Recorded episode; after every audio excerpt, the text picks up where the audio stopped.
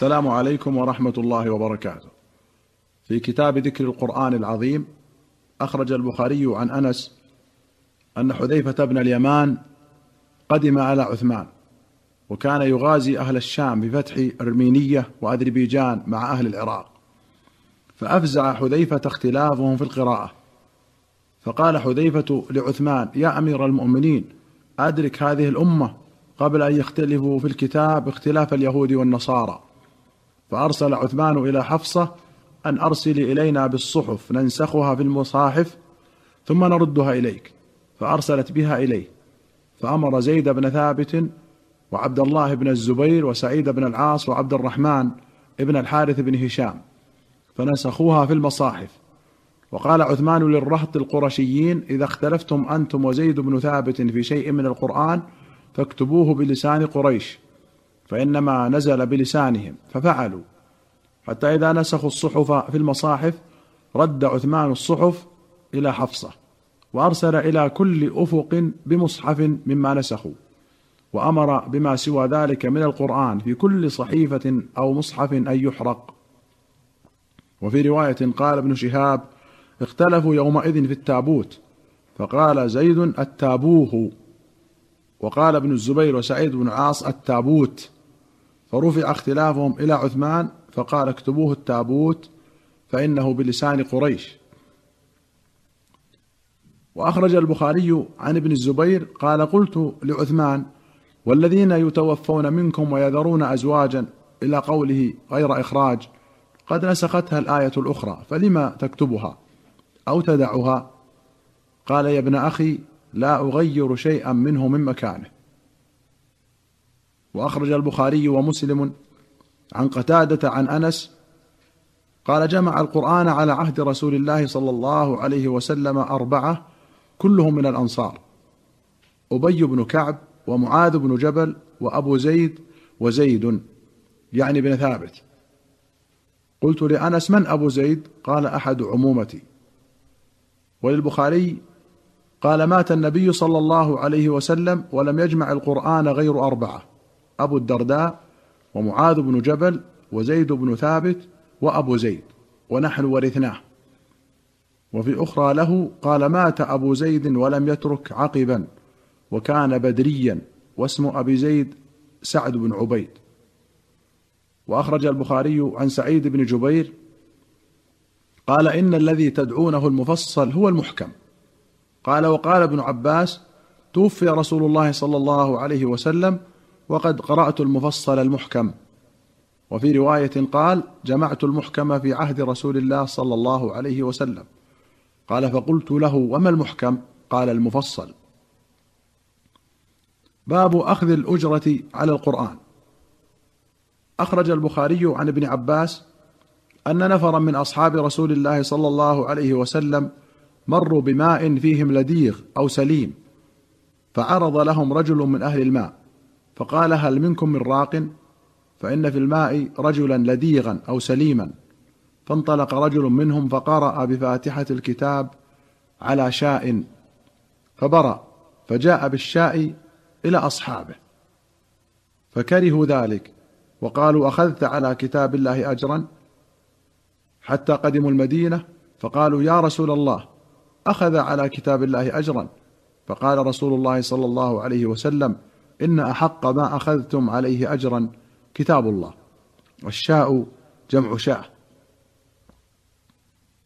قال ابن حجر استدل الجمهور بهذا الحديث لجواز أخذ الأجرة على تعليم القرآن.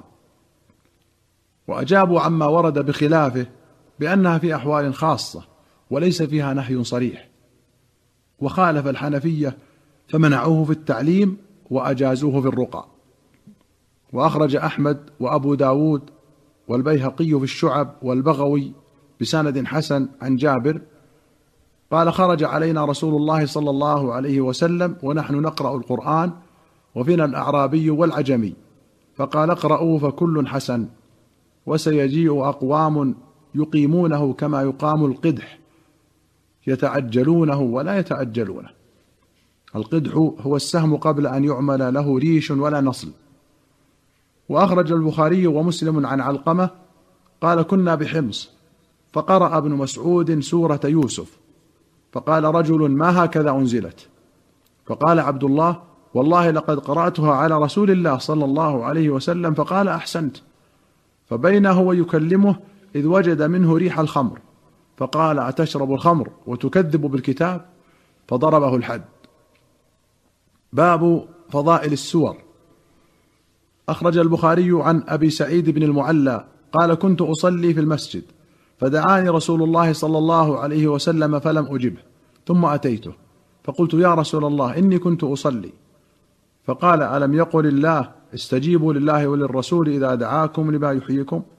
ثم قال لي لأعلمنك سورة هي أعظم السور في القرآن قبل أن تخرج من المسجد ثم أخذ بيدي فلما أراد أن يخرج قلت ألم تقل لأعلمنك سورة هي أعظم سورة في القرآن؟ قال الحمد لله رب العالمين هي السبع المثاني والقرآن العظيم الذي أوتيته. وأخرج مسلم عن أبي بن كعب قال قال لي رسول الله صلى الله عليه وسلم يا أبا المنذر أتدري أي آية من كتاب الله معك أعظم؟ قلت الله ورسوله أعلم. قال يا أبا المنذر أتدري أي آية من كتاب الله معك أعظم؟ قلت الله لا إله إلا هو الحي القيوم. فضرب في صدري وقال ليهنك العلم أبا المنذر. قوله ليهنك العلم أي ليكن العلم هنيئا لك. وأخرج البخاري عن أبي هريرة قال وكلني رسول الله صلى الله عليه وسلم بحفظ زكاة رمضان فأتاني آت فجعل يحثو من الطعام فأخذته وقلت لأرفعنك إلى رسول الله صلى الله عليه وسلم. قال إني محتاج وعلي عيال وبي حاجة شديدة فخليت عنه. فأصبحت فقال النبي صلى الله عليه وسلم يا أبا هريرة ما فعل أسيرك البارحة؟ قلت يا رسول الله شكى حاجة وعيالا فرحمته فخليت سبيله. قال أما إنه قد كذبك وسيعود. فعرفت أنه سيعود لقول رسول الله صلى الله عليه وسلم إنه سيعود. فرصدته فجاء يحث من الطعام. فأخذته فقلت لأرفعنك إلى رسول الله صلى الله عليه وسلم. قال دعني فإني محتاج وعلي عيال لا أعود. فرحمته فخليت سبيله. فأصبحت فقال رسول الله صلى الله عليه وسلم يا أبا هريرة ما فعل أسيرك؟ قلت يا رسول الله شكى حاجة شديدة وعيالا فرحمته فخليت سبيله. فقال أما إنه قد كذبك وسيعود. فرصدته الثالثة. فجاء يحثو من الطعام. فقلت لأرفعنك إلى رسول الله صلى الله عليه وسلم. وهذا آخر ثلاث مرات أنك تزعم لا تعود ثم تعود. فقال دعني أعلمك كلمات ينفعك الله بها. قلت ما هن؟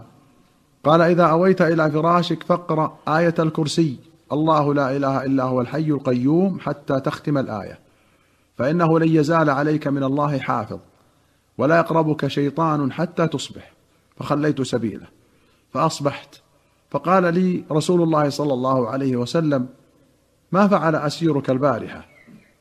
قلت يا رسول الله زعم أنه يعلمني كلمات ينفعني الله بها فخليت سبيله. قال ما هي؟ قلت قال لي إذا أويت إلى فراشك فاقرأ آية الكرسي من أولها حتى تختم الآية. الله لا إله إلا هو الحي القيوم. وقال لي لن يزال عليك من الله حافظ ولن يقربك شيطان حتى تصبح. وكانوا أحرص شيء على الخير. فقال النبي صلى الله عليه وسلم أما إنه قد صدقك وهو كذوب. تعلم من تخاطب منذ ثلاث يا أبا هريرة؟ قلت لا. قال ذاك شيطان. وأخرج مسلم عن ابن عباس قال بينما جبريل عليه السلام قاعد عند النبي صلى الله عليه وسلم سمع نقيضا من فوقه أي صوتا فرفع رأسه فقال هذا باب من السماء فتح اليوم لم يفتح قط إلا اليوم. فنزل منه ملك فقال هذا ملك نزل إلى الأرض لم ينزل قط إلا اليوم. فسلم وقال أبشر بنورين أوتيتهما لم يؤتهما نبي قبلك. فاتحة الكتاب وخواتيم سورة البقرة. لن تقرأ بحرف منهما إلا أعطيته. وأخرج مسلم عن أبي هريرة أن رسول الله صلى الله عليه وسلم قال لا تجعلوا بيوتكم مقابر. إن الشيطان ينفر من البيت الذي تقرأ فيه سورة البقرة. وأخرج البخاري ومسلم عن أبي مسعود أن النبي صلى الله عليه وسلم قال من قرأ بالآيتين من آخر سورة البقرة في ليلة كفتاه. قيل معنى كفتاه كفتاه من قيام الليل وقيل كفتاه من كل سوء. وأخرج مسلم عن النواس بن سمعان قال سمعت رسول الله صلى الله عليه وسلم يقول يؤتى بالقرآن يوم القيامة وأهله الذين كانوا يعملون به.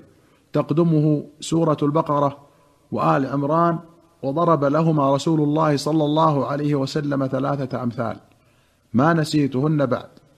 قال كأنهما غمامتان أو ظلتان سوداوان بينهما شرق أو كأنهما حزقان من طير صواف تحاجان عن صاحبهما. الحزقان الجماعتان والحزقة القطعة من كل شيء. وقوله بينهما شرق أي ضياء ونور والشرق الشمس. أيها المستمعون الكرام إلى هنا نأتي إلى نهاية هذه الحلقة. حتى نلقاكم في الحلقة القادمة. إن شاء الله نستودعكم الله والسلام عليكم ورحمة الله وبركاته.